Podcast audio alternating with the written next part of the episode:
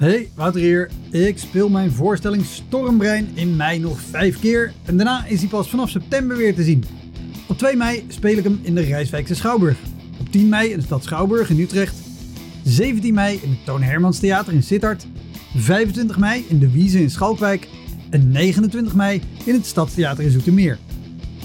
Eind mei maak ik mijn nieuwe speellijst bekend, inclusief een te gekke show in de zomer. Meld je via elektropodcast.nl of woutermonde.nl aan voor mijn nieuwsbrief. Dan weet je als eerste waar en wanneer ik te zien ben.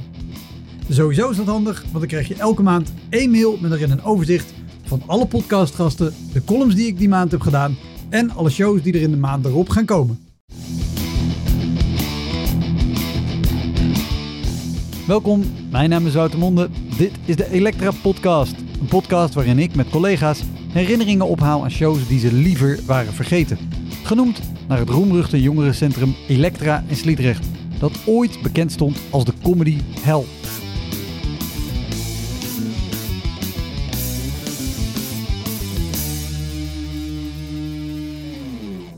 Mijn gast is Jasper van Kuik. Hij begon bij cabaretgroep Dels Blok en hij ging solo toen zij ermee stopte. In 2010 won hij de jury en publieksprijs op het Cabarettenfestival en sindsdien toert hij langs de theaters met avondvullende voorstellingen. Ik ga altijd napraten met mensen, ook al is het een kutavond geweest. Toen zei de vrouw van de organisator, zei, mag ik je telefoonnummer? Want als ik dan een avond niet kan slapen, dan bel ik gewoon jou. Jasper is behalve cabaretier ook docent aan de TU Delft. En hij is columnist voor de Volkskrant waar hij schrijft over slecht ontworpen producten en diensten. Die columns die kan je kopen, want ze zijn gebundeld en uitgebracht als boek. Heel veel plezier. Dit is de Elektra Podcast met Jasper van Kuik.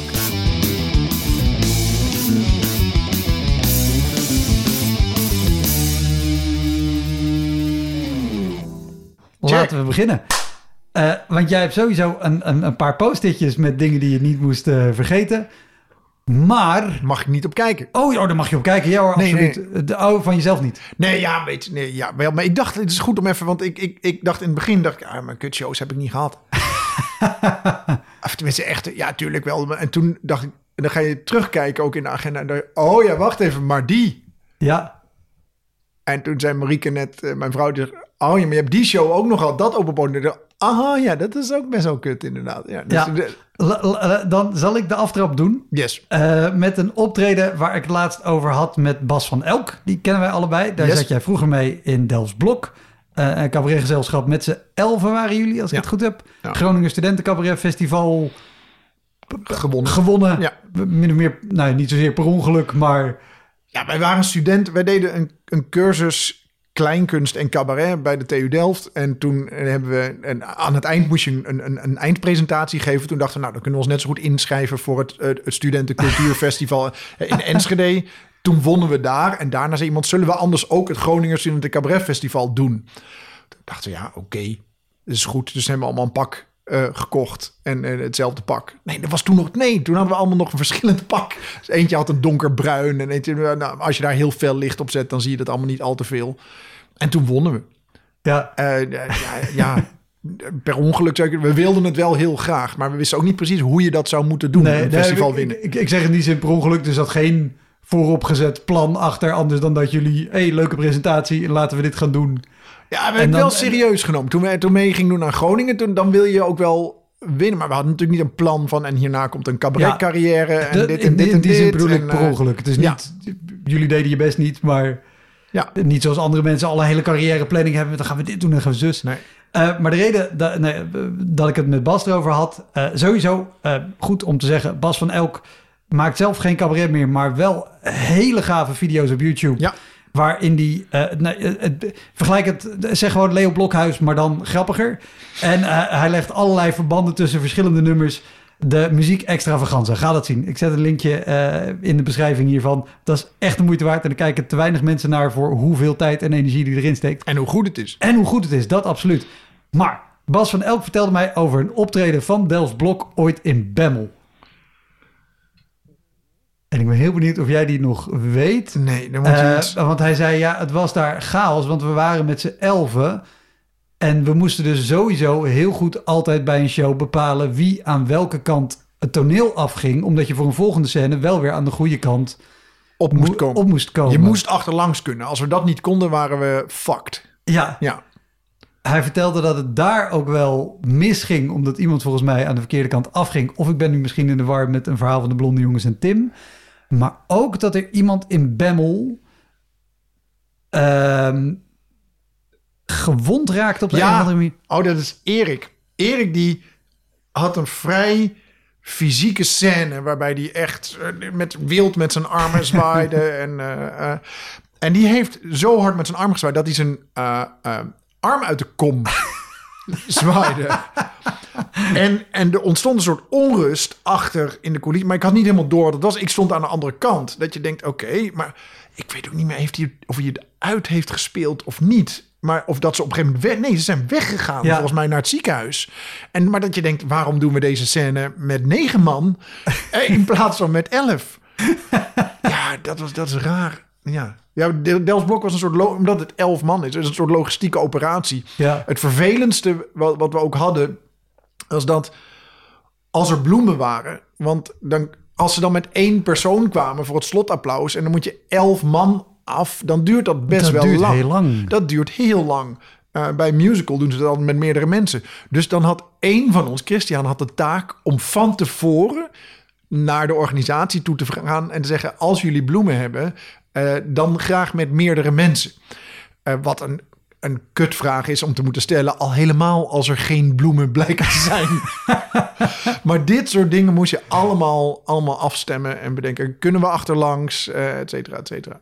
Want is dat, is dat vaker misgegaan met bijvoorbeeld aan de verkeerde kant staan of, of andere dingen die er mis kunnen gaan als je zo met elf man zo'n operatie moet hebben? Als je een normaal theater speelt, is dat geen probleem. Dan, dan weet je, dan kan dat. Want dan, is er een, dan kun je achterlangs. En dan is er, of er is een gang onder het podium langs, of achter het achterdoek. Of, eh, maar, maar als je ja, met de try-outs in een buurthuis staat, of weet ik veel, ja, dan en, dat iemand zo voorzichtig dan maar achterlangs, of, of een hele andere route pakt. Nee. Ik wou zeggen, je speelt niet altijd in, in normale theaters. Want, nee, maar dat, dat maakt in je eentje wat minder uit dan als je echt met een groep eh, eh, bent. Omdat het dan gewoon, dan wordt het al snel wat ingewikkelder. Ja. Als je een drie microfoons, eh, als je al met z'n drieën bent, wordt het al lastiger dan, dan met een handheld. Nee, maar met Dels Blok echt, echt gekke dingen gehad ook. Ook een keer dat wij hadden zo'n een opkomst met, met Ramstein muziek eronder. En dan op het eind, als hij losging, gingen de audience blinders aan. Ehm wij gingen, kwamen zo op in blauw tegen en dan zag je zo steeds meer mensen in, tot er el, alle elf daar stonden. En dan gingen die audience blinders aan bij een optreden. En er stond iemand uit het publiek met een stoel boven zijn hoofd. Die was nog een plek aan het zoeken. dus wij zagen daar echt iemand en die keek zo op. Dat is een heel rare opening is dat van je, van je show. Wat, wat voor zaal was dit? Dat mensen, moesten ze allemaal hun stoel mee naar binnen nemen? Nee, ik weet niet wat het... Het waren met van die losse stoelen. En ik weet ook niet waarom... Ja, kennelijk had iemand bedacht dat hij, dat hij ergens anders wilde zitten of zo. Maar die was echt nog tussen twee rijen door aan het lopen... en met een stoel boven zijn hoofd. Wat goed. En hoe, hoe lang hebben jullie met Dels Blok gespeeld voordat jij solo ging spelen? Eh, we, we hebben eh, de drie theaterseizoenen echt gespeeld. Dus de eerste show een twee seizoenen, het eh, tweede show één seizoen. En daarvoor was het gewoon het, bekende verhaal met, eh, met, met alles aanpakken wat je, wat je kunt doen. Dus eh, ja, ik weet niet hoe lang we precies... Volgens mij wonnen we de Pietische Spelen. Dat was het in Enschede. Wonnen we dat in 2000. En Groninger Studenten Cabaret Festival in 2001. En hebben wij ongeveer gespeeld tot en met 2005. 2004. En heb- ik ben eh, in 2006 voor het eerst in de open bak gaan staan. Eind 2006 volgens mij. Ja. Dat, dat, dat- dat klinkt, dus, eh, voordat ik solo ging, dat klinkt iets groter dan het was. Ehm, het was meer dat het Els Blok stopte met optreden. We bleven nog wel eh, heel- elke, elke maandag bij elkaar komen en, en, en nog een cd opgenomen en dat soort dingen. Maar nee- op een gegeven moment dacht ik, ja, ik, ik had het niet verwacht, want ik dacht, ja, ik wil toch wel wat gaan doen, merkte ik. Ik dacht, Ja. ja, dan maar solo. Eh, en ik denk dat ik in het begin vooral wel ge- geïnspireerd was door, door onze regisseur Pim van Alten. Die eh, werd weer geregisseerd door eh, Bert Klunder. Die een beetje nurkse figuren op het podium altijd speelde. Ja, en daar ja. was ik een beetje door getriggerd. Dat, dat leek me wel leuk. Dus, en toen heb ik ja, gewoon de open bak gebeld en gevraagd: kan ik komen spelen? Ja, Ja, het open bak, een, een wekelijks open podium bestaat nog altijd in Ja. Amsterdam. En dat is voor allerlei disciplines. Eigenlijk alles wat op een podium Alles kan, mag, bij de En open ook alles wat eigenlijk niet op een podium kan. Dat is ook, dat is, nee, maar dat is het mooie van de open bak. Je krijgt 15 minuten. Ik heb daar een, een Sinterklaas act gezien met een gast met twee LED-verlichte ballen in zijn broek. Ehm, iemand die een cursus fietsen maken ging geven. Eh, eh, cheerleaders. eh, en, maar, dus alles. Maar dat is ook het toffe Ja. aan de open bak. Alles mag 15 minuten. Ja. Alles mag elke dinsdag was volgens mij de slogan. En dus ik had... Ja, Ben Lansink gemaild van mag ik, mag Ja, ik komen? organisator. Prima, Ja. Kom maar. En toen had ik een van de jongens van Dels Blok meegenomen. Ehm, met het idee van het is wel goed als iemand ook van de buitenkant kijkt. Van wat, wat is, dus ik ging spelen. En, en nu komen we gelijk op, op, mijn- op de, op de kut-optredens. Want dit was er wel één, achteraf. Alleen had ik dat zelf niet door. Ehm, nee, ik had, ik had gewoon... Ja, weet je, bij Dels Blok, wij maakten sketches. En niet comedy. We maakten niet setup, punchline naar een... grap. Het was, het was eigenlijk ja, situational comedy. Gewoon meer uit situaties Ja. en personages... Waar de, waar de humor uit voortkwam. Eh, conflict, dat soort dingen. Maar nu moest ik in mijn eentje gaan staan. En dat betekent dus dat je, dat je echt grappen moet gaan, gaan plaatsen. Dat is een hele andere vorm, ja. Totaal. Ehm, en John Slijpen presenteerde toen van Crème Fresh. Eh, Ja. Die, die zat, was daar toen net mee klaar. Maar in ieder geval die presentatie. Die kwam na afloop naar me toe en zei... Je hebt goede grappen, alleen je plaatst ze niet. Je maakt, je maakt niet het publiek duidelijk... Er zit hier een grap. Nou, dus dat was iets wat ik moest leren. En dat was backstage. Dat was heel, heel belangrijk. Ik dacht, oké, ik moet kennelijk werken aan duidelijk maken... hier zit een grap. Want anders dan eh, pikt men dat niet op. Zeg Ja. misschien ook iets over de grappen die ik toen maakte. Maar eh, Rick Jan zat in de zaal en ik zei, hoe was het? Hij zei, nou, dat was niet verschrikkelijk. en eh, toen dacht ik, oké, dan ga ik door. maar dat is volgens mij wat je moet hebben in het begin als je dit gaat doen. Je hebt of die fantastische eerste ervaring met dat je, dat je beginner's luck en dat het explodeert en dat je denkt, ik wil meer van dit. Ja. Of je moet een vrij stevige plaat voor je kop hebben en gewoon doorgaan en denken dat het best oké is. En dat was ik. Ja, maar denk je niet trouwens dat je dat, dat beginners luck, als jullie met elf man vanuit een cursus een festivalletje winnen en daarna een groot festival winnen en drie seizoenen lang toeren, dan heb je toch ook al een, een, een flinke start gehad die je al wel zelfvertrouwen geeft. Ik heb iets te zoeken op het podium. Ja, maar we waren met z'n elfen. Ik stond linksback eh, in Dels Blok. Dat was een beetje mijn Ja. rol. Ik kon je kunt dan bepaalde dingen, weet je. Ik kon bepaalde soorten sketches wel schrijven. Ik speelde een beetje piano. Dus je hebt, je hebt totaal niet de, de breedte die je als, Nee, als nee, nee. solo... eh, Maar la- la- laat ik het anders vragen. Denk je dat als je die Dels Blok achtergrond niet had gehad, dat dan dit, het was niet afschuwelijk dan, ervaring was het, dan, was het, was wel- dan geweest? was het wel afschuwelijk geweest. Ja, ja, ja Ja. absoluut. Nee, dit, dit, dit helpt heel erg. Want je weet een beetje, je hebt niet meer de totale paniek die je op een podium Ja, hebt.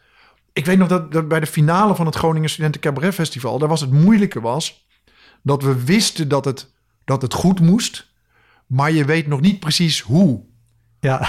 Snap je? Het is een beetje rijexamen doen terwijl je veel te weinig lessen hebt gehad. Dat was het. En het, eh, het- Ik heb drie keer examen gedaan. Ik weet precies hoe dat is. Ja, maar dat, dat is het. Het, het ging fantastisch die avond, weet je. We hebben, we hebben toen de optreden van ons leven gespeeld. Omdat iedereen hyper gefocust was en het viel goed. En het, ja, maar daarna hebben we veel meer gespeeld. En dan leer je langzaamaan, oké, wacht even. Dit is belangrijk bij op Ja. een podium staan. En niet meer de blinde paniek die als je in dat zwarte, eh helverlichte eh, leegte kijkt. Het is een soort gek. De, de zaal is tegelijkertijd een zwart gat en tegelijkertijd heel fel licht. Ja, Ehm, dus dat hielp wel, denk ik. Alleen hoe het werkt als, als comedian of als cabaretier solo, dat is totaal anders dan Ja. met Dels Blok. maar goed, je, je, je had die gehad. Eh, Ja. je, je kreeg het commentaar, nou, dat was niet afschuwelijk. Ja, Eh, en je moet je grappen beter plaatsen. en je moet je grappen beter plaatsen en dan ga je spelen. Wat, wat waren nog plekken waar jij heen ging, anders dan de open bak?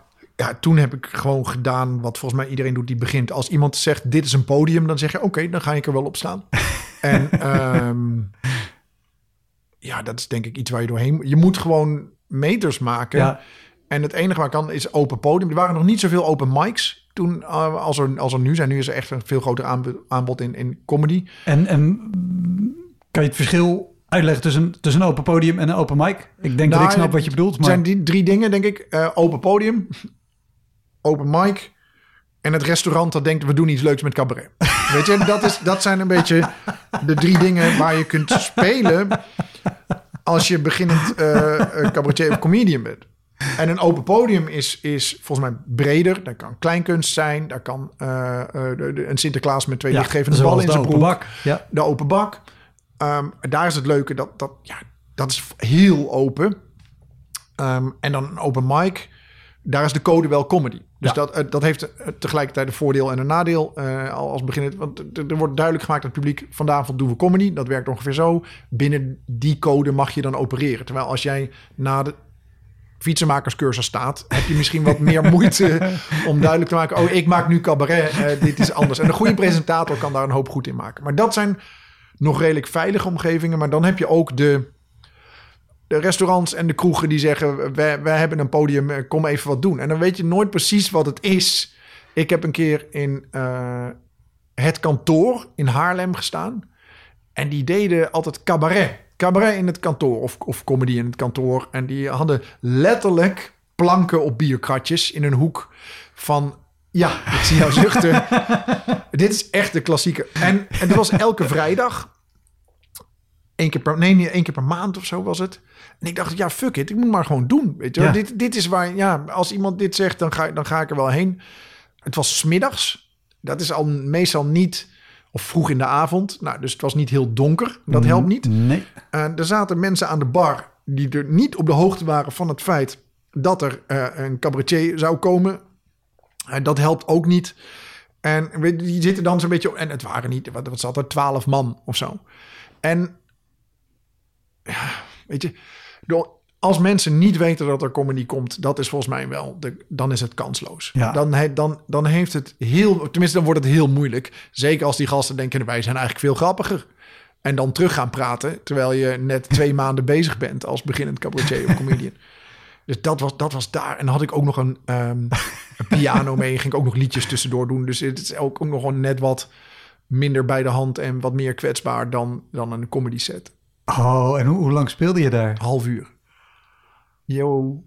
Of misschien zelfs al drie kwartier. Dat is, dat is heel lang. Dat is heel lang als mensen er geen zin in hebben. Ja. nee, maar dat is. We hebben met Dels Blok. Gingen we een keer. We hadden een vaste kroeg. En op een gegeven moment kwamen we naar die kroeg toe. Het was voor mij waar we toen al een tijdje gestopt. En we, we gaan weer eens naar de kroeg. En we kwamen in die kroeg. Op een gegeven moment kwam er een dichter binnen. En die begint met een soort megafoon te dichten. Dat wij dachten, wat is dit? Dus wij naar de barman. Hij zit, vandaag is het dichter bij de bar. Het is een festival in heel Delft. En dan komen overal komen dichters declameren. En dat is super tof, maar niet als je het niet weet. En eigenlijk gewoon weer met z'n allen. Nou, dat is. Toen heb ik aan de andere kant gezeten. Dan merk je gewoon hoe, hoe irritant het is als iemand door je gesprek heen komt praten. Ja, dat was ik. Ik was sterker nog, ik kan ook nog een piano er doorheen spelen. Dus ja, dat was, ik weet niet meer precies wanneer, maar dit was redelijk vroeg. Je, je hebt, als je draai op een open podium gaan staan, dan praat het zich een soort van door. Dat mensen zeggen, oh ja, die, die wil wel iets doen en die wil... Maar ik denk dat ook wel goed is. Ja, weet je, ja, je moet maar leren wat werkt en wat niet. En, en dan is toch, uh, hoe kut het ook is, zo'n optreden, werkt wel om A, iets te leren wat de voorwaarden zijn waaronder uh, cabaret of comedy kan werken. En B, uh, je krijgt wel een dikke huid van. En misschien leer je ook wel daarmee, daarmee om te gaan. Later met, met een heckler of onrustig publiek of dat soort dingen. heb, je, heb je later situaties gehad? Niet dat je op zo'n moment direct terugdenkt aan... oh ja, ik weet nog in het kantoor in Haarlem... maar situaties waar je hebt mee om kunnen gaan... waarvan je kan zeggen, ja, daar kon ik mee omgaan... doordat ik dit soort plekken heb gedaan... of doordat ik dit soort situaties heb gehad? Nou, niet, niet specifiek één optreden, maar ik denk dat, dat de, de, wat het goede is aan die optredens, waar de grens tussen podium en, en het publiek veel vager is, zoals in, in zo'n, zo'n dat mensen terug gaan praten, dat, dat, dat je dus leert om, om met mensen in gesprek te gaan, of gesprek, dat je daarmee omgaat. Omdat, kijk, als je in, in het theater staat, is, is er heel, heel fel licht op het podium, mensen zitten in het donker. En dan heb je ook nog wel eens dat mensen denken, nou, ik, ik vind ook wel iets. En dan gaan ze roepen. als je dat vaker hebt meegemaakt, denk ik wel, helpt het wel. eh, dat je niet zegt, oh, wacht even, wat, wat doe jij nu? Eh, Het is de bedoeling dat ik ga praten. Ja. Uh, dus dat hielp. Uh, er was ook nog een restaurant in Delfshaven. Wat, wat iets wilde met cabaret of liedjes tijdens dat, of, dat mensen gingen eten. Nee, nee, we zeggen dan, vragen dan wel aandacht. En ja, wist ik veel. Weet je. Dus ik ging daarheen. en toen kwam ik daar. En toen was het een vrij warme zomerdag. Toen zei ze, ja, maar iedereen zit eigenlijk buiten op het terras.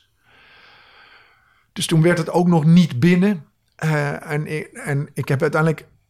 Uh, ik werk ook bij de TU Delft. Als, als, als, toen was ik nog aan het promoveren. En toen mailde een collega mij foto's. Want die bleek in het appartement boven het restaurant te werken. En daar zie je mij uiteindelijk op de bakstenen rand van een brug staan met een handheld microfoon. Terwijl mensen gewoon zitten te eten. En dan probeer ik de aandacht te vangen. Ja, het is. Het, het, het kan gewoon niet. Het is, het is, en het is niet zo, volgens mij, dat buitencomedy per definitie niet, niet kan.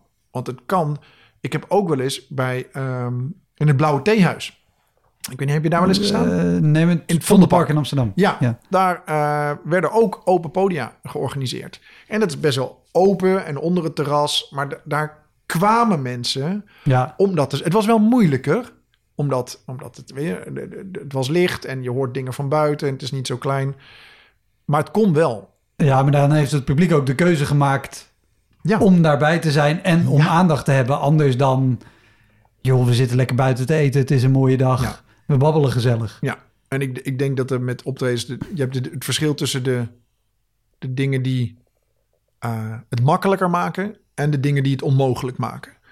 Uh, en weet je, als het donker is en mensen zitten lekker en het is stil, dat, dat maakt het allemaal makkelijker. Ja. Um, het, het, maakt het, eigenlijk, het is eigenlijk vrijwel onmogelijk als mensen niet weten waar ze voor komen. Uh, en, en dat er, weet je, omdat je het gewoon met, twee, met, met twee kanten moet doen. Het is niet een, een, een film die wordt opgezet. Mensen kunnen kijken en denken, oh, dit is leuk. Het, je, moet, je moet publieksinteractie, er moet interactie zijn, want er Ja. moet gelachen worden. Uh, En, en mensen moeten hun aandacht erbij houden. Ja. Zelfs bij een film kan je nog Ja. eh, kijken en af en toe even je gesprek verder voeren of wegdraaien en vijf minuten later weer, oh, oh ja, dit, dit was er aan de hand. Oh ja, oké. Maar dat heb ik wel. Dat, dat leer je volgens mij ook daarvan. Dat je op een gegeven moment tegen dingen nee moet gaan zeggen. Omdat, omdat, je er, omdat het geen zin heeft. Ja. Wat zijn shows waar, waar je nu op terugkijkt waarvan je denkt, daar had ik nee moeten, tegen moeten zeggen? Ja, weet je, dat restaurant en dan buiten. eh, en zo'n zo'n kroeg. Maar er kan, nee, maar er kan heel veel. Hè. Ik heb ook ooit in, in Haarlem eh, op het Vijfhoek eh, Festival gespeeld. En dat is in, in woonkamers. Om even aan te geven wat er wel kan. Ik, ik, ik Ja. doe ook wel huiskamers, op- huidkameroptredens. En eigenlijk het enige wat ik dan zeg is... oké, graag twee lampen die mij verlichten... zodat er iets onderscheid is tussen het publiek. Maar dan het is ook best wel vaak dat dan een beetje licht aanblijft in de woonkamer. Mensen, mensen zitten op, op zelf meegebrachte klapstoeltjes. En dan heb ik avondvullende voorspellingen gespeeld in een huiskamer. En dat gaat prima. Ja, Als mensen er zin in hebben en weten wat er komt... dan, dan zijn die andere dingen net wat minder belangrijk. Joep van het Hek heeft vol- volgens mij ooit bij de Febo in Groningen... na afloop van een show in de stad Schouwburg... heeft hij een half uur uit zijn voorstelling opnieuw gespeeld voor studenten. Staand buiten bij de Febo, omdat ze het niet goed konden. Ze zaten echt op dat, dat, dat allerhoogste balkon, weet je wel. En toen heeft hij een gedeelte... Als mensen het willen, kan er veel goed. meer. Ja. ja. ja maar dat is inderdaad zo'n belangrijk verschil. ja. En omgekeerd ook. Dat kan ook het verschil maken. Desnoods in een theater of in een theatersetting, bijvoorbeeld een bedrijfsoptreden, waarbij de omstandigheden misschien oké zijn, maar de mensen er helemaal geen zin in hebben. Volgens mij is dat het moeilijke aan, aan, aan bedrijfsoptredens en benefiets en, en, en dat soort dingen. En Dat is niet waar ze voor komen. Nee, Eh, de, de code is er helemaal niet. Bij bedrijfsoptredens is er nog iets anders, volgens mij. Dat is dat, of benefiet ook, mensen gaan, ze zitten tussen professionele collega's of mensen met wie ze een zakelijke relatie hebben. En bijvoorbeeld lompe grappen zijn dan, dan laat jij merken, oh, ik vind dit, ik vind dit wel lachen. En Ja. maar, terwijl als jij naast iemand ziet en in een representatieve functie hebt, dan kijk je misschien wel een beetje uit met waar je om lacht. Dus dat, dat zijn, Ja, mensen zijn zich heel erg bewust van de hiërarchie. ja, En als, als het, eh, het alfamannetje, als de zilverrug lacht, dan lacht de rest mee. Maar Dan als die niet lacht, ja. Dan heb, heb jij veel bedrijfsoptredens gedaan? Nee. Nee, dat je kijkt is, er heel gelukkig bij. nou ja, dat is wel een waarvan ik eigenlijk vanaf moment één heb gedacht, ja, dat ga ik gewoon niet, niet zoveel doen. Nee. Eh, omdat een, een open benefiets heb ik vaak wel gedaan, hoewel dat ook nog best wel onmogelijk kan zijn. Eh dan wordt er nog één keer. Maar, maar, maar bedrijfsoptredens, nee. Nee, ik heb dat echt niet zoveel. Ook omdat ik, eh, ik ik denk ook gewoon het materiaal dat ik heb gemaakt altijd wat minder geschikt daarvoor is. Eh, omdat het, ja, eh, vaak, vaak redelijk actueel, een maatschappelijke thematiek en wat minder, ehm, ja, gewoon om te lachen. Ja. Wat, wat, ja, is. En werd ook heel vaak gezegd, kun je dan even een, een, een, een, een kwartier of een half uur op maat maken? Daar heb ik ook wat van gezegd, ja, weet je, voordat ik echt een half uur op maat heb waar ik tevreden mee ben, voor jullie, dat, ja, dan ben ik, ben ik wel een half jaar verder, weet je. Want ik wil dan, nou ja, half jaar is overdreven. Maar Flinke tijd verder. ja, natuurlijk kan ik drie grappen omschrijven en dan, maar ja, dat is niet mijn ding, denk ik. Nee. Eh, je zei, benefiets heb ik wel gedaan. Ik heb er nog eh, één. Ja, er was, er was in die vroege fase, volgens mij was René van Meurs kon niet. En die heeft toen mij naar voren geschoven. Dankjewel, René van Meurs. Eh, er, wa- was in Venlo was een benefiet voor weeskinderen ergens. Ehm, en, en er was, ja, wa- was super lief. En eh, ik dacht, oké, ik kom gewoon. Er zaten mensen in. Het was een bioscoopzaaltje. En een bioscoopzaaltje is toch niet helemaal geschikt per se voor, eh, voor cabaret. Omdat het ook akoestisch nogal anders is. De lach, eh, het dempt goed, Ja. een bioscoopzaal. Eh, de stoelen zijn toch net anders. Mensen zaten heel erg verspreid. En eh, ik had van tevoren wat grapjes bedacht over, over wezen. En toen maakte ik de strategische misser om te vragen wie is er hier wees. Maar dan krijg je dus ook de mensen van wie beide ouders zijn overleden. En die had ik zelf niet bedacht, wat natuurlijk heel stom is. Maar dan krijg je een soort spanning op de zaal natuurlijk. Wat overigens wel redelijk de kern is van wees zijn dat je bij de ouders zijn overleden. Ja, maar ik dacht natuurlijk aan weeskindjes in dat zielige land waar het Ja, over ging. ja, ja, Eh. En dit ging over mensen die dachten, nee, maar ik ben 50, ik ben wees. Eh, de- ja, weet je, en ik had, ik had gewoon niet het vermogen om daarmee om te gaan. Om dat nog recht te trekken onder die omstandigheden. Oh. Hoe, hoe, hoe, hoe, hoe, hoe verloopt zo'n show dan? Dat je nog gegrinnik krijgt. Dat is een beetje. Ik denk dat in die eerste paar minuten maak je een connectie met elkaar of niet. En volgens mij is het heel moeilijk om het daarna nog recht te trekken. En of die connectie er in de eerste vijf minuten komt, heeft heel erg te maken met de omstandigheden erbuiten, hoe je wordt aangekondigd, wat er voor je zit. Voor mij zat volgens mij een soort singer-songwriter duo-achtig iets. Ehm, dus het was niet heel erg een comedy code. Eh, de- de- de- het zaaltje was gek. Eh, de aankondiging was, was anders dan een MC. Weet je, was gewoon een Ja. meisje van die organisatie die dat super leuk en lief deed, maar niet heel effectief met comedy. En toen kwam ik met mijn net verkeerd ingestoken grap over weeskinderen. Nou, tel het maar op. Eh, dan, dan heb je geen connectie meer. Dan is het en dan, en dan hoe goed je grappen daarna grappen die echt, weet je, ik had in- toen echt wel een setje van 10, 15 minuten wat echt wel goed kon werken. Maar eh, ja, gegrinnik op de allerbeste grappen. Eh, Oh. Omdat dan, ja, dan, dan, dan zit je ernaast. Ja. En hoe, heb je nog een idee hoe lang dit was na die eerste keer in de open bak? Niet lang. Oké. Niet lang. Dit was denk ik een jaar daarna of Ja. zo. Of ander. Ik ben na die, wat er, ik ben toen open bak gaan doen en eh, open podia en ben toen ook ehm, opgepikt voor de cabaretpool. En dat is, dat is iets, daar kon je, eh, dan konden vier acts op één avond 20, 25 minuten spelen. Door heel Nederland, overal. En dan, dat was heel fijn. En er kwam ook, ik had meegedaan, nee, dat kwam na het Griffioen eh, Kleinkunstfestival. Daar heb ik me toen voor ingeschreven. Open bak, een paar open podia. En toen Griffioen Kleinkunstfestival. En dat is een hele goede volgens mij als je een tijdje open podia hebt gedaan, weet je, dat je denkt, oké, ik wil eens weten waar ik sta. Ik had toen een voorstelling, een, een personage had ik. Een beetje geïnspireerd, denk ik, uh, als je terugkijkt door Bert Klunder, die ook personages neerzette.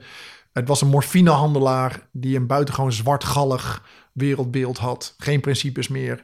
Zwart pak, um, uh, zwart overhemd, alles zwart. Um, en dat was een beetje hit or miss. Dat, dat werkte wel of niet. In de halve finale werkte het wel. In de finale werkte het niet. uh, maar voor mij, mij heeft Richard van Zwarte Kat het toen gezien. En mij uitgenodigd voor de Zwarte Katdag. En uh, daar werkte het wel. En heel goed. Ja, en, en de Zwarte Katdag, dat was een, uh, een dag in de naald in Naaldwijk ja, om het nou, zoveel jaar bestaan van Zwarte de Kat. De website van, van, van Nederland, waar, waar, waar ik toen echt elke dag, die ik elke dag 15 keer refreshte en op het forum uh, mee zat te ja. tikken met allerlei andere uh, wannabe cabaretiers en hier en daar ook iemand die daadwerkelijk iets deed. Uh, en, en, en Richard uh, organiseerde toen dus die Zwarte Katdag. en dat was toen in Givioen. Oké. Okay. in Amstelveen. En ja, daar werkte het. Ja. Dat was, dat was, maar ik, nog steeds was dit een beetje dat ik niet precies wist. Ja, weet je, dat je niet controle helemaal over hebt. Als je, volgens mij, hoe verder je komt, hoe meer je weet wat je moet doen, waarom het werkt, waarom het niet werkt. Uh, um, dus ik kon het wel, maar niet altijd. En zeker niet met dit personage. Um, maar ik ben na die Zwarte Katdag en het Griffioen Kleinkunstfestival dus op, opgepikt door de cabaretpool. En dat is gewoon heel veel meters maken onder best wel goede omstandigheden. Ja. Wel buurthuizen of kleine theaters, maar, maar mensen kopen een kaartje voor cabaret. De, uh, de eerste die speelde presenteerde vervolgens de rest. Um, mensen wisten waar ze voor komen. En, en dan kun je echt meters maken op een manier die wel werkt. Dat was super. Um, maar daar merkte ik ook dat dat dat dat personage een beetje een link ding was. En dus toen ben ik op een gegeven moment heb ik dat opzij, dan ben ik gewoon ja, als mezelf met mensen gaan praten. Hey, Wouter hier. Ik speel mijn voorstelling Stormbrein in mei nog vijf keer en daarna is hij pas vanaf september weer te zien. Op 2 mei speel ik hem in de Rijswijkse Schouwburg. Op 10 mei in de stad Schouwburg in Utrecht. 17 mei in het Toon Hermans Theater in Sittard. 25 mei in de Wiese in Schalkwijk en 29 mei in het Stadstheater in Zoetermeer. Eind mei maak ik mijn nieuwe speellijst bekend, inclusief een te gekke show in de zomer. Meld je via elektropodcast.nl of woutermonde.nl aan voor mijn nieuwsbrief. Dan weet je als eerste waar en wanneer ik te zien ben. Sowieso is dat handig, want dan krijg je elke maand één mail met erin een overzicht van alle podcastgasten, de columns die ik die maand heb gedaan en alle shows die er in de maand erop gaan komen. Want bij de cabaretpool, je zei al, het zijn goede plekken, maar het zijn ook wel de buurthuizen en de... Uh, ik heb er ook ooit eens mee gespeeld. Dat was ook een tot, tot theaterzaaltje omgebouwde gymzaal in uh, Hoogvliet, volgens mij, onder, onder Rotterdam. Ja. Wat is of met de cabaretpool of, of anderszins de, de plek geweest waar je hebt gespeeld die echt het meest afstond van een theaterzaal zoals je in je hoofd hebt bij het woord theaterzaal? Nou ja, want die cabaretpool, het goede daarvan is, is dat in principe daar de voorwaarden wel goed waren. Dus het was ja. donker, mensen zitten, mensen... En, en het is nog niet altijd een fantastisch theater. En, en soms is het pas de tweede keer of de eerste keer dat er daar uh, cabaret of comedy wordt gedaan. Dat mensen denken, nou, het zal mij benieuwen. Weet je, met die instelling daar zitten. Maar in principe kan het wel. Um, uh, ik heb toen een keer samen met Ernst van Ginkel uh, die inmiddels niet meer optreedt, maar, maar schrijft uh, vooral en, en regie doet. Ja. Um, hebben we een duo op, we deden een aantal duo optredens en een daarvan was in een jeugdhonk annex popzaal ergens in Brabant. En ik weet niet meer precies waar het was, maar we kwamen aan en vroegen dan, het eerste wat je altijd vroeg was, en hoeveel kaarten zijn er verkocht? zeven. Oké, okay, het zijn verkocht. Nee, niet verkocht, dat is de organisatie. Ik zeg maar, hoeveel mensen komen dan? Ja, de, ja we hebben posters opgehangen bij de supermarkt. En dan denk je, oké, okay, oké. Okay.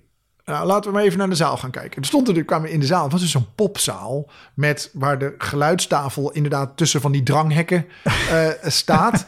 en dan losse stoeltjes door de hele zaal. En, en het podium was denk ik anderhalve meter hoog. Ja. Wat het moet zijn bij ja, een popzaal. staand publiek. Maar ja. als je voor, voor zeven man gaat spelen. Dus toen hebben wij moeten lullen als brug. Want zeiden, jongens, weet, hoe groot is de kans dat vanavond volgens Ja, nu- niet, niet zo groot. Oké. Zullen we dan gewoon naar beneden, weet je, op, op, laat ons gewoon dan, zet die banken die jullie daar in de hoek hebben, zetten we dat in een hoekje en dan spelen wij voor jullie en de, en de andere mensen die nog komen. Uiteindelijk hebben we voor 10, 12 man gespeeld.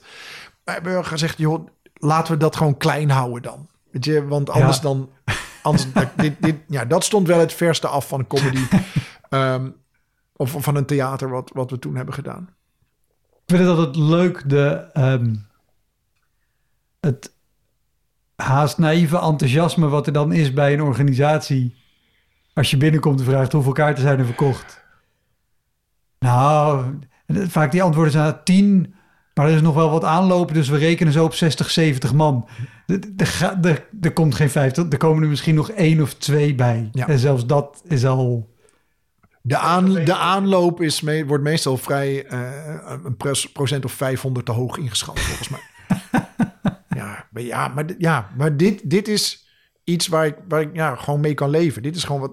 De voorwaarden zijn er, er zijn goede afspraken. En soms zitten, eh, ja, dan komen er minder mensen. Dan is het net op de verkeerde avond gepland. Of ze beginnen er net mee. Ja, Ja, part of the deal. ja, nou ja de- de- de redenen genoeg waarom het, Ja, waarom het zo is. Maar Ja. dat maakt het niet makkelijker spelen uiteindelijk. nee.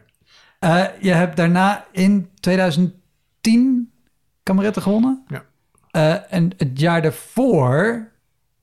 Ik geen idee of hier iets zit, maar ik bedenk het me nu opeens. Het jaar daarvoor deed je mee aan Leids. Ja. En lag je er heel vroeg uit. Ja, En een half jaar erop eh, doe je kameretten en win je gewoon beide prijzen, toch? ja. Eh, en dan wil jij weten of het een kut optreden was op Leids.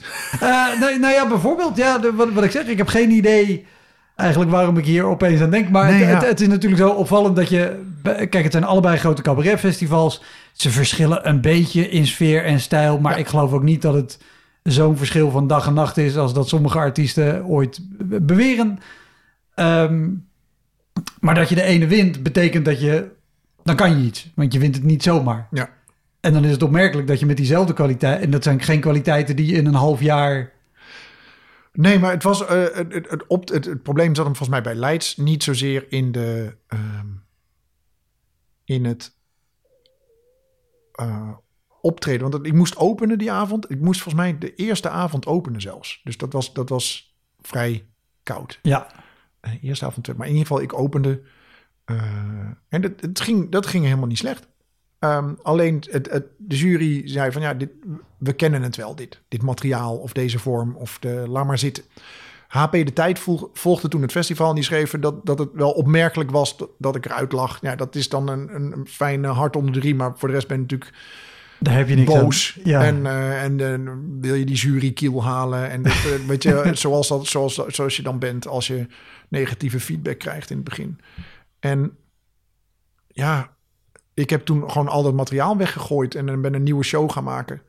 Ehm, ik heb nog een paar grappen uit dat oude half uur hergebruikt. En, dus ik heb gewoon een heel nieuw programma gemaakt Ja. voor kameretten. Eh, wat beter was. En dus, dus ja, weet je, er zijn, zijn verschillende dingen. Je hebt, je hebt denk ik andere jury, andere prijzen. De- Ja. een, een jury is, is nooit... Een, een eindoordeel bij een cabaretfestival is geen objectief van God nedergedaald oordeel over of het goed is of niet. Het is wat die jury die avond goed vindt. Ja. En dat recht hebben ze, want het zijn vaak mensen met heel veel kennis. En, en, ehm, maar er zit ook, ook een bepaalde iets waar ze naar kunnen zoeken. Van, van dit hebben we al wel vaker gezien. Het zijn natuurlijk mensen die heel veel hebben gezien. Ja, Ehm, ze hebben twee dingen. Ik denk dat ze kijken naar kwaliteit en naar een bepaalde smaak die ze kunnen hebben of, of voorkeur. En, en dat is allebei wat het is. Ik Ja. vond dat wel mooi. Volgens mij heb ik Jan Gras een keer bij het Groninger, toen vrienden van mij daar speelden, eh, ehm, gezien. Die, die zei toen, eh, nou, wij zijn de jury en wij hebben geen objectief oordeel. Maar we zijn wel ter zake kundig. We bestaan uit een, eh, een theaterdirecteur, een programmeur, een cabaretier en een dit en een regisseur. En, en ja, dit is het oordeel waar u het mee moet doen vanavond. Eh, dus het is wel het, natuurlijk nooit objectief, maar het is wel ter Ja. zake. Dat vond ik eigenlijk heel goed neergezet. ja. Want je zei bij Leids, je zei ja, begrijpelijk, maar ik was wel gewoon heel boos.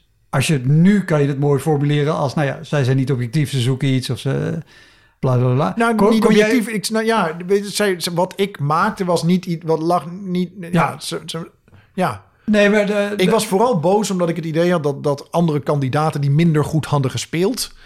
eh, door waren naar de, naar de halve Ja. finale. Ik kwam niet eens voorbij de, weet je, de, die, die eerste ronde. En, Ja. en dat had ik op basis van de publieksreactie niet verwacht. Maar wat zij zeiden, ja, we, inhoudelijk vinden we het al niks. Dus dan kun je nog beter gaan spelen. maar dan willen we liever die andere gast of Ja. die dame zien nog een keer een kans geven. Ja, en dat Nee, kan ook. Waar, waar ik benieuwd naar was, omdat je zei... eh, eh, het, het, is, het is het oordeel niet eh, in totaal... maar wat die jury op die avond het Ja. beste vond. Ja.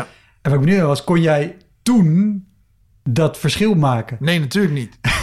nee. nee, ik was heel boos. Ja, Nee, ik was heel boos. Ik ben wel nog eh, alle avonden gaan kijken. Omdat ik vond dat, dat je dat... eh, soort van... Je begint met, met alle kandidaten aan zo'n festival. Maar dat was ook niet makkelijk om dan daar te gaan zitten. eh. maar ik mocht in de finalistentour... eh, want er waren...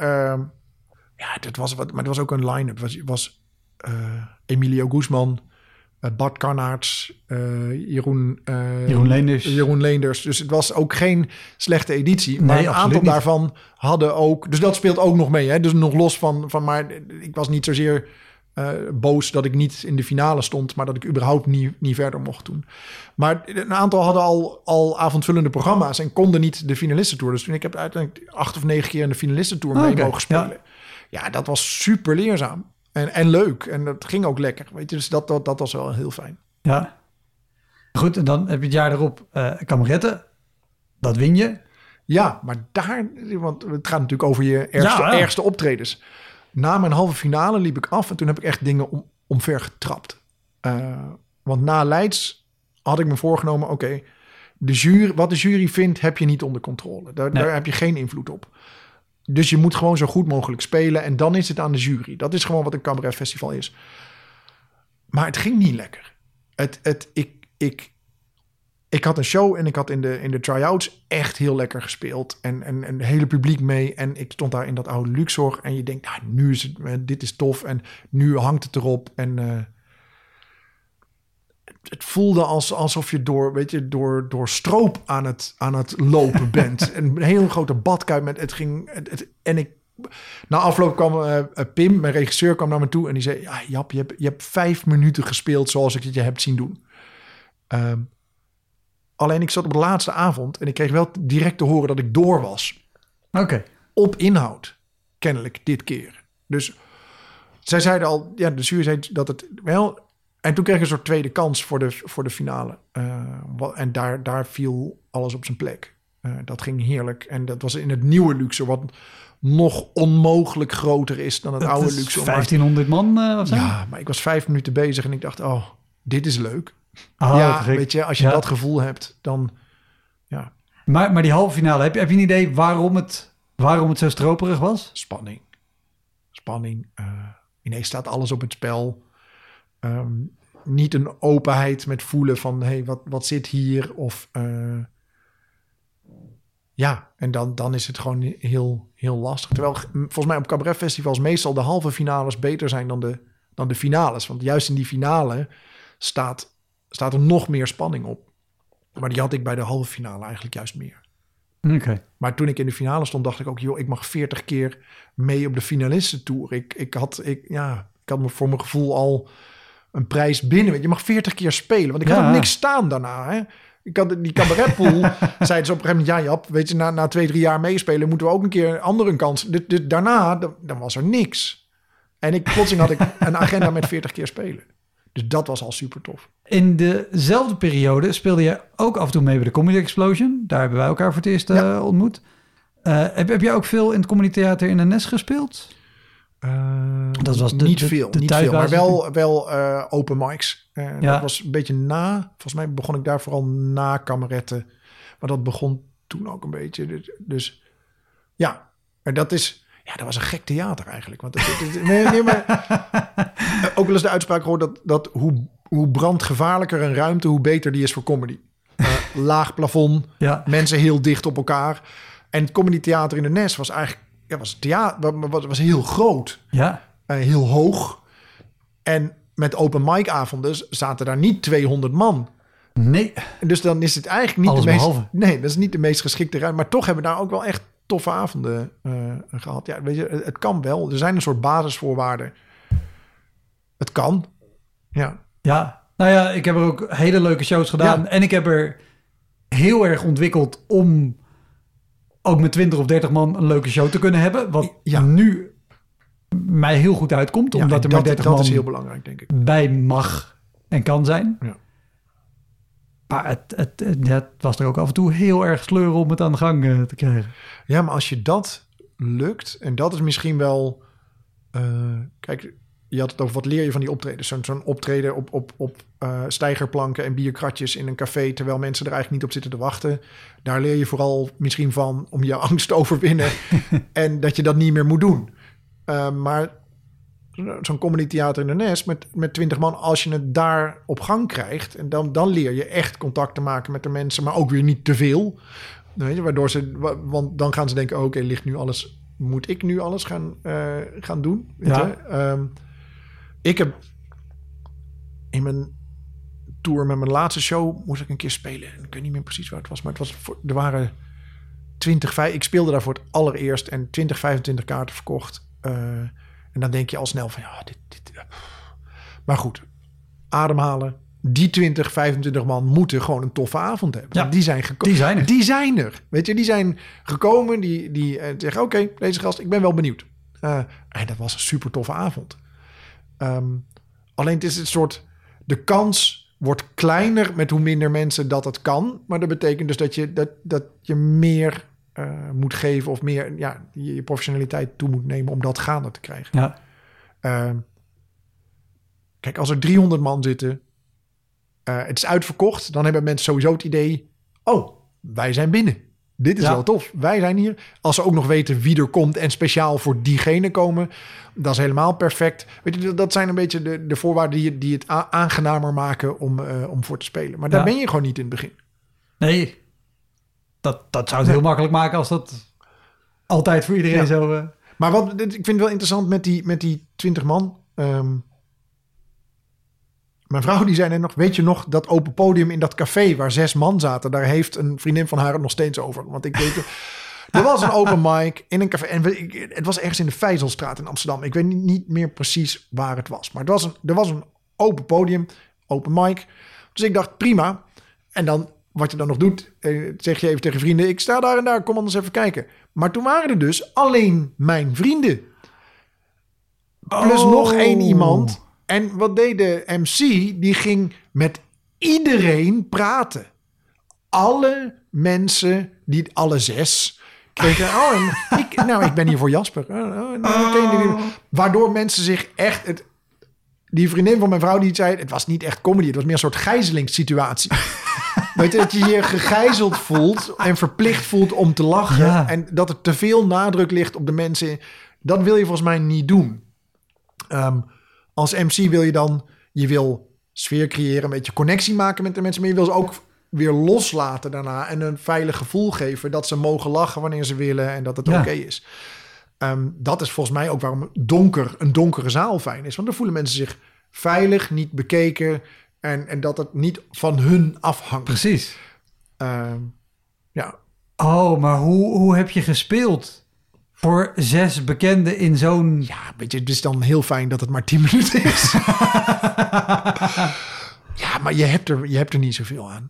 Eh, want, want kijk, die, die, die 20 man comedy theater in de Nes, eh, daar kon je nog wel wat aan hebben. Als, als je dat, als dat, daar was de optie nog dat het, dat het goed kwam. Ja, Ja, dit was het. eh, dit, dit, dit. Ja, hier ga je naar huis en dan denk je, dit is eigenlijk meer een soort openbare repetitie. Dan heb je een keer je tekst nog een keer gedaan. En dat is fijn. Maar ja, maar ik zou ook nooit voor zes vrienden mijn tekst hardop gaan repeteren.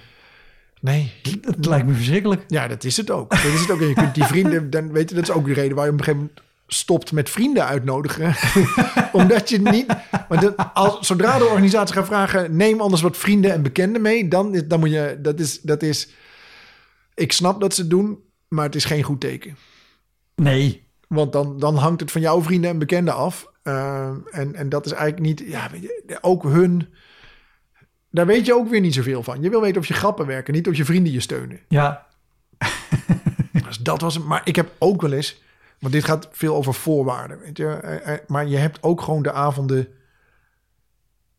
Ik heb mijn, mijn eerste show was, was, was ehm, ja, een soort, was 80% ik, maar 20% personeel. Ik had een soort context bedacht. Ik had huisarrest. Ehm, het was een wat grumpier versie van mezelf. En doordat ik huisarrest had, eh, kon ik eh, lekker eh, schoppen tegen dingen. En er was een soort verhaal. In die tweede voorstelling dacht ik, ik wil dat, dat personage wat ik bij die Zwarte Katdag had gespeeld, die morfine man, Mhm. die vond ik toch wel echt heel interessant. Want dat Ja. was, dat was zo cynisch dat het heel grappig werd. Kon worden.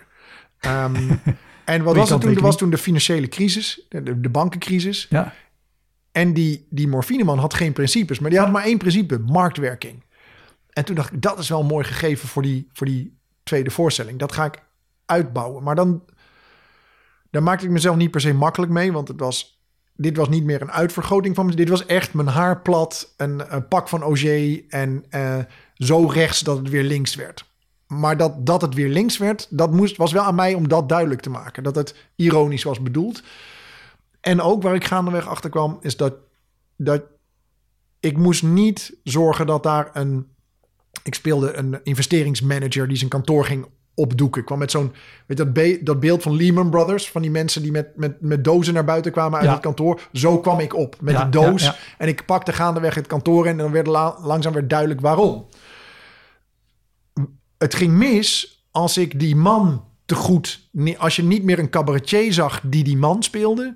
Maar als je alleen maar die man zag. Want dan werd het niet meer ironie, maar dan werd het heel naargeestig. En, nou, ik, en toen, ik, ik ging een keer spelen in, dat weet ik nog steeds, ons gebouw in Bolsward. En, ehm, als jullie luisteren, mensen, sorry. So- sorry. Want dit was, ik zei het al eerder, het was hit or miss. En op een gegeven moment, dit was, die voorstelling stond op een gegeven moment wel op de rails. Dat ging werken. Ja. En toen was het begin van het seizoen, tweede seizoen. En ik had daar gespeeld met de Kameretten Finalisten Tour. En dat was super leuk met, die, met die voorstelling van Kameretten. En dat was goed aangeslagen. Dus zei, nou, kom maar dan terug. Maar dit was een vrij informatiedichte voorstelling over de financiële crisis. Ehm, en misschien ook wel op het randje van wat je kunt vragen van mensen. Want ik was daar ook helemaal in gedoken. En ik had het geprobeerd zo, zo eh, algemeen toegankelijk mogelijk te, doen. Maar ja, als je, de- ja, als, als je dacht, ja, laat maar die financiële crisis. Dan, dan zaten hier wel dingen in die, Ja. die misschien een beetje ja, minder leuk waren. En waar je misschien ook geen Boodschap. per se in hebt Nee. als je denkt, we gaan gewoon een avondje naar het theater lachen. Precies. Eh, en ik kreeg het die avond niet over de bühne dat het, dat het een dat het een personage was. Dat, dit, dat, dat de bittere grappen eh, eigenlijk leuk waren. En ik kreeg het gewoon niet. En dat heb je dan na een minuut of 10, 15. Is dat echt wel duidelijk voor jezelf? Dat je denkt, oké, en nu nog een uur en een kwartier. There we go. En dan moet hij af. Weet je, je kunt niet ik had ook niet, weet je, het was geen stand-up voorstelling. Het was, was, was bijna een mix van toneel, cabaret, En wat ik wilde vragen, je, je hebt daarin geen ruimte om Minder. het te kunnen doorbreken of Volgens mij is, is, is de enige als je echt in zo'n spoor vastzit... dat mensen denken van deze gast is niet grappig. Dat is het enige is echt om er helemaal eh, door... Wat mensen wel eens doen is eh, zeggen... Ja, joh, oh, ik merk, joh, merk geen connectie of... Ik veel, de spanning eraf halen of weet ik veel. Ja, dat we Ja. misschien wel moeten doen. Eh, Zeggen, oké, fuck it, ik stap er even uit of weet ik veel. Maar na afloop... ehm, ja, ik, ik had toen, ik ga altijd napraten met mensen. Ook al is het een kutavond geweest, dan eh, weet je, dan, dan, dan dat maar. Maar toen, toen zei de vrouw van de organisator, zei, mag ik je telefoonnummer? Want als ik dan een avond niet kan slapen, dan bel ik gewoon jou. Zo, en bedankt. Weet je, dat je denkt, en dan, eh, maar dat is een lange rit naar huis dan. Ja.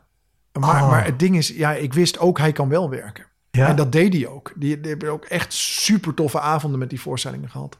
Alleen die avond kreeg ik het niet, eh, niet gedaan. Oh, maar hoe, hoe lang is dan ook het resterende uur en een kwartier? Nou, het, het enige voordeel wat ik dan nog had, is dat er een, een verhaal in zat, een spanningsboog. Ja, Waardoor je nog ergens naartoe werkt. En Ja, dat, dat, het, dat, dat het eh, dat er een soort vierde wand element of weet ik veel.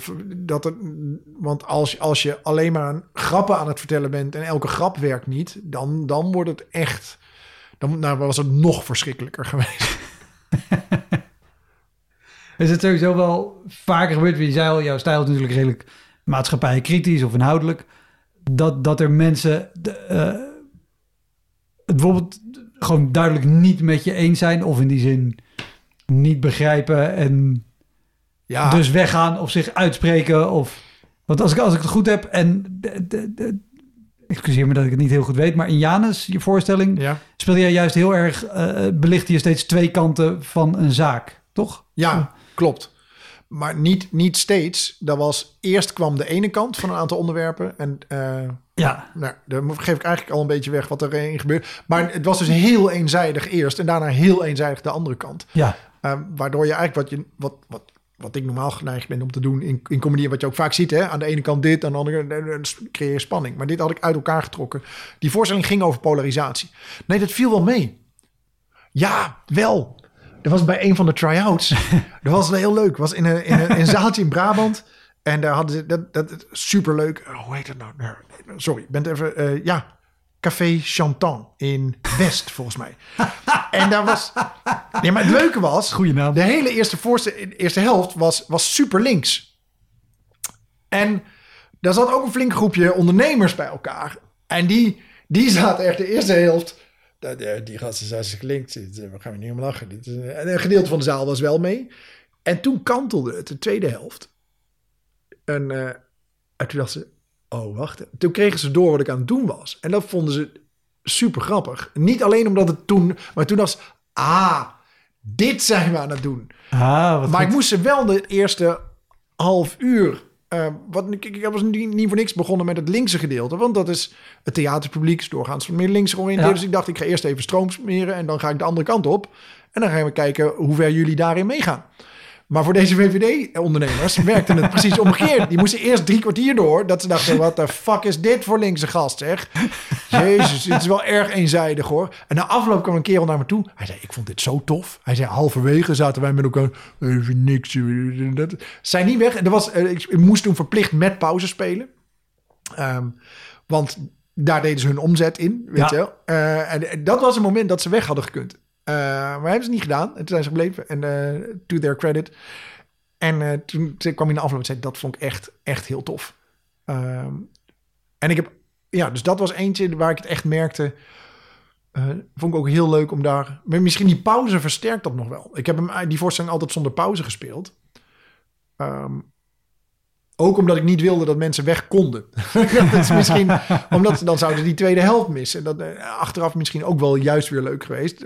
Maar dan ga je namelijk tegen elkaar de balans opmaken van de voorstelling. Wat vinden we ervan? Wat vinden we Ja. ervan? Ehm, dus dat. En ik heb een keer in mijn allereerste voorstelling zat een nummer over ehm, dat, dat er altijd iemand de schuld krijgt van maatschappelijke tegenslag. En er zat er zin in dat ligt, en het refrein was, dat ligt aan de moslims. En daarvoor kon je alles zeggen. Huizenmarkt ingestort, dat ligt aan de moslims. Eh, financieel tekort, dat ligt aan de moslims. Alles, alles lag aan de moslims. Ja. Zoals het vroeger lag aan de heksen of de joden of de weet ik veel. En dat bouwde ik zo langzaam. Maar het refrein was gewoon de hele tijd, dat ligt aan de moslims. En ik speelde bij Broodje Cultuur. En dat is op de Universiteit Twente. Die hebben Ja. zo'n theatertje op de campus. En dan wordt er om half twaalf 's middags is er gewoon optreden. Eh, en, nou, er wordt wel vaak gezegd, je moet s'avonds. Nou, prima. Dit is gewoon donker. Kan prima. Maar er zaten daar ook leerlingen van... Want even, even voor mijn beeld, dit is wel gewoon in de theaterzaal. theaterzaaltje. Ja, En alle voorwaarden, goede technicus. Ja, en leuke zaal. Loopt al lang, leuk zaaltje. ja. Uh, maar er waren ook leerlingen van een, uh, volgens mij, MBO-opleiding theater. En uh, daar waren zowel degenen die uh, acteren deden, als degenen die meer theatertechniek deden. En de verdeling was ongeveer dit. De meisjes deden het acteren, de jongens deden theatertechniek. En ik was dat nummer aan het spelen en er ontstaat onrust in de zaal. Oh, ja, echt, maar echt zo hard dat, dat je niet... Maar ik ben een lied aan het spelen, ik ben niet aan het praten. Dus ik kon niet echt horen wat er nou... Maar op een gegeven moment stopte ik en toen was er nog steeds onrust. En ja, beledigt Allah. Toen dacht ik, oh jeetje, zitten we daar? Dus, eh, en het, het ging niet om door te spelen. Dus ik, Nee. de zaal, ik zei, kom maar anders met wat zaallicht. En voordat ik... Ik dacht, ja, moet ik nou gaan uitleggen dat ik... Ik bedoelde het tegenovergestelde met dat nummer. Van, er is altijd iemand die de schuld krijgt. En nu zijn het altijd de moslims. En een van die meiden die roept echt... En, en iemand, ik zeg, wat is er? Ja, dit en dat. Je beledigt eh, de islam en zo en zo. En toen een van die meiden roept... Hij bedoelt niet wat hij zegt. En dat was super tof. Er ontstond een soort discussie. Het was een verkort optreden. was een half uur, drie kwartier. was niet avondvullend. eh, of middagvullend. Maar hij... Dat, er ontstond een soort discussie tussen die leerlingen van die... En ik heb dat een beetje gemodereerd.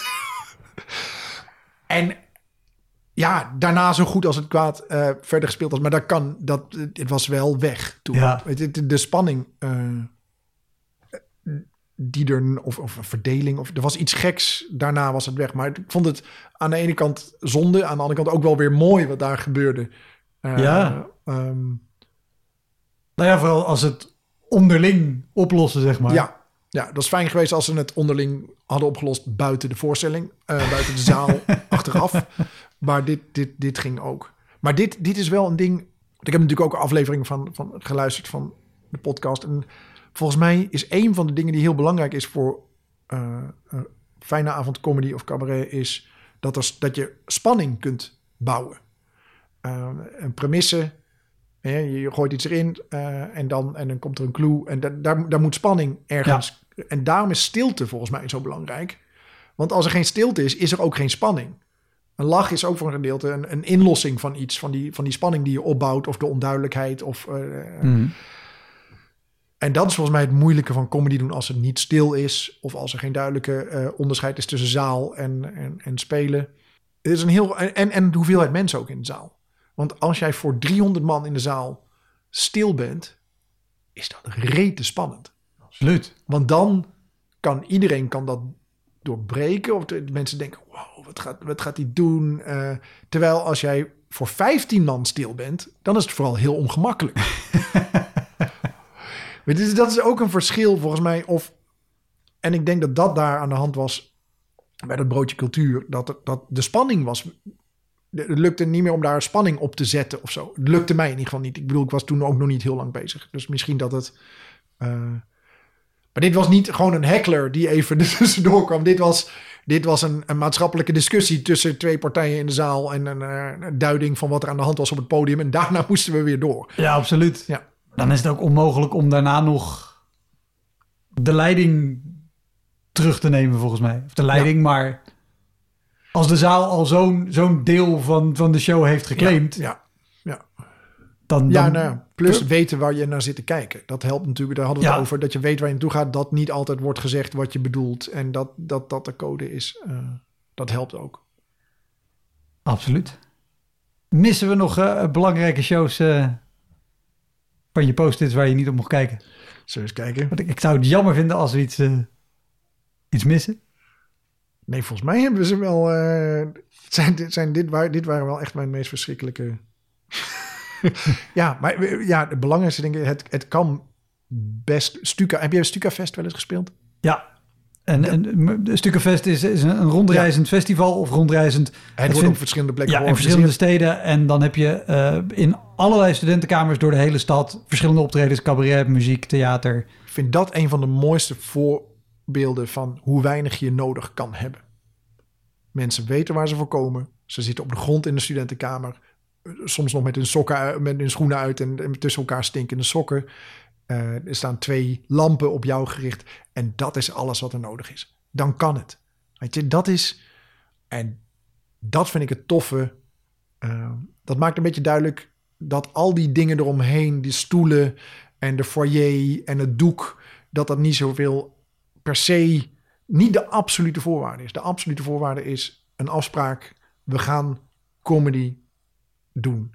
Ja, En jullie gaan met aandacht kijken en staan open.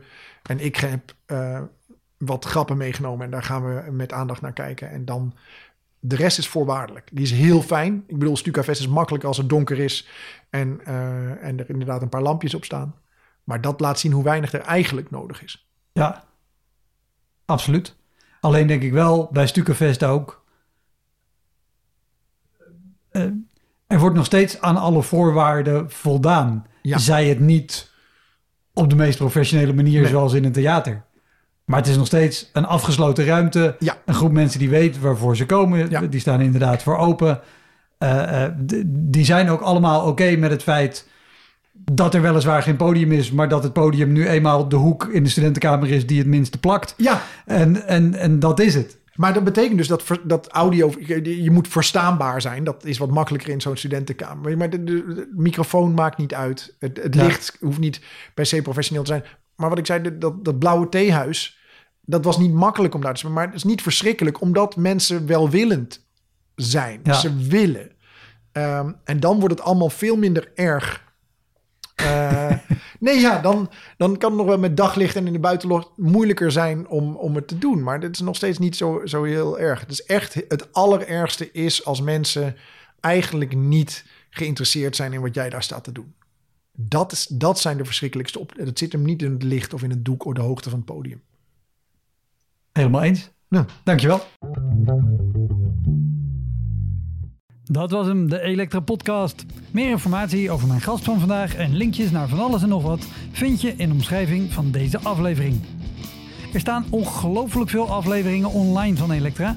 En op elektrapodcast.nl kan je makkelijk zoeken op de naam van jouw favoriete comedians en cabaretiers. Je kan daar ook eenmalig doneren of crewmember worden.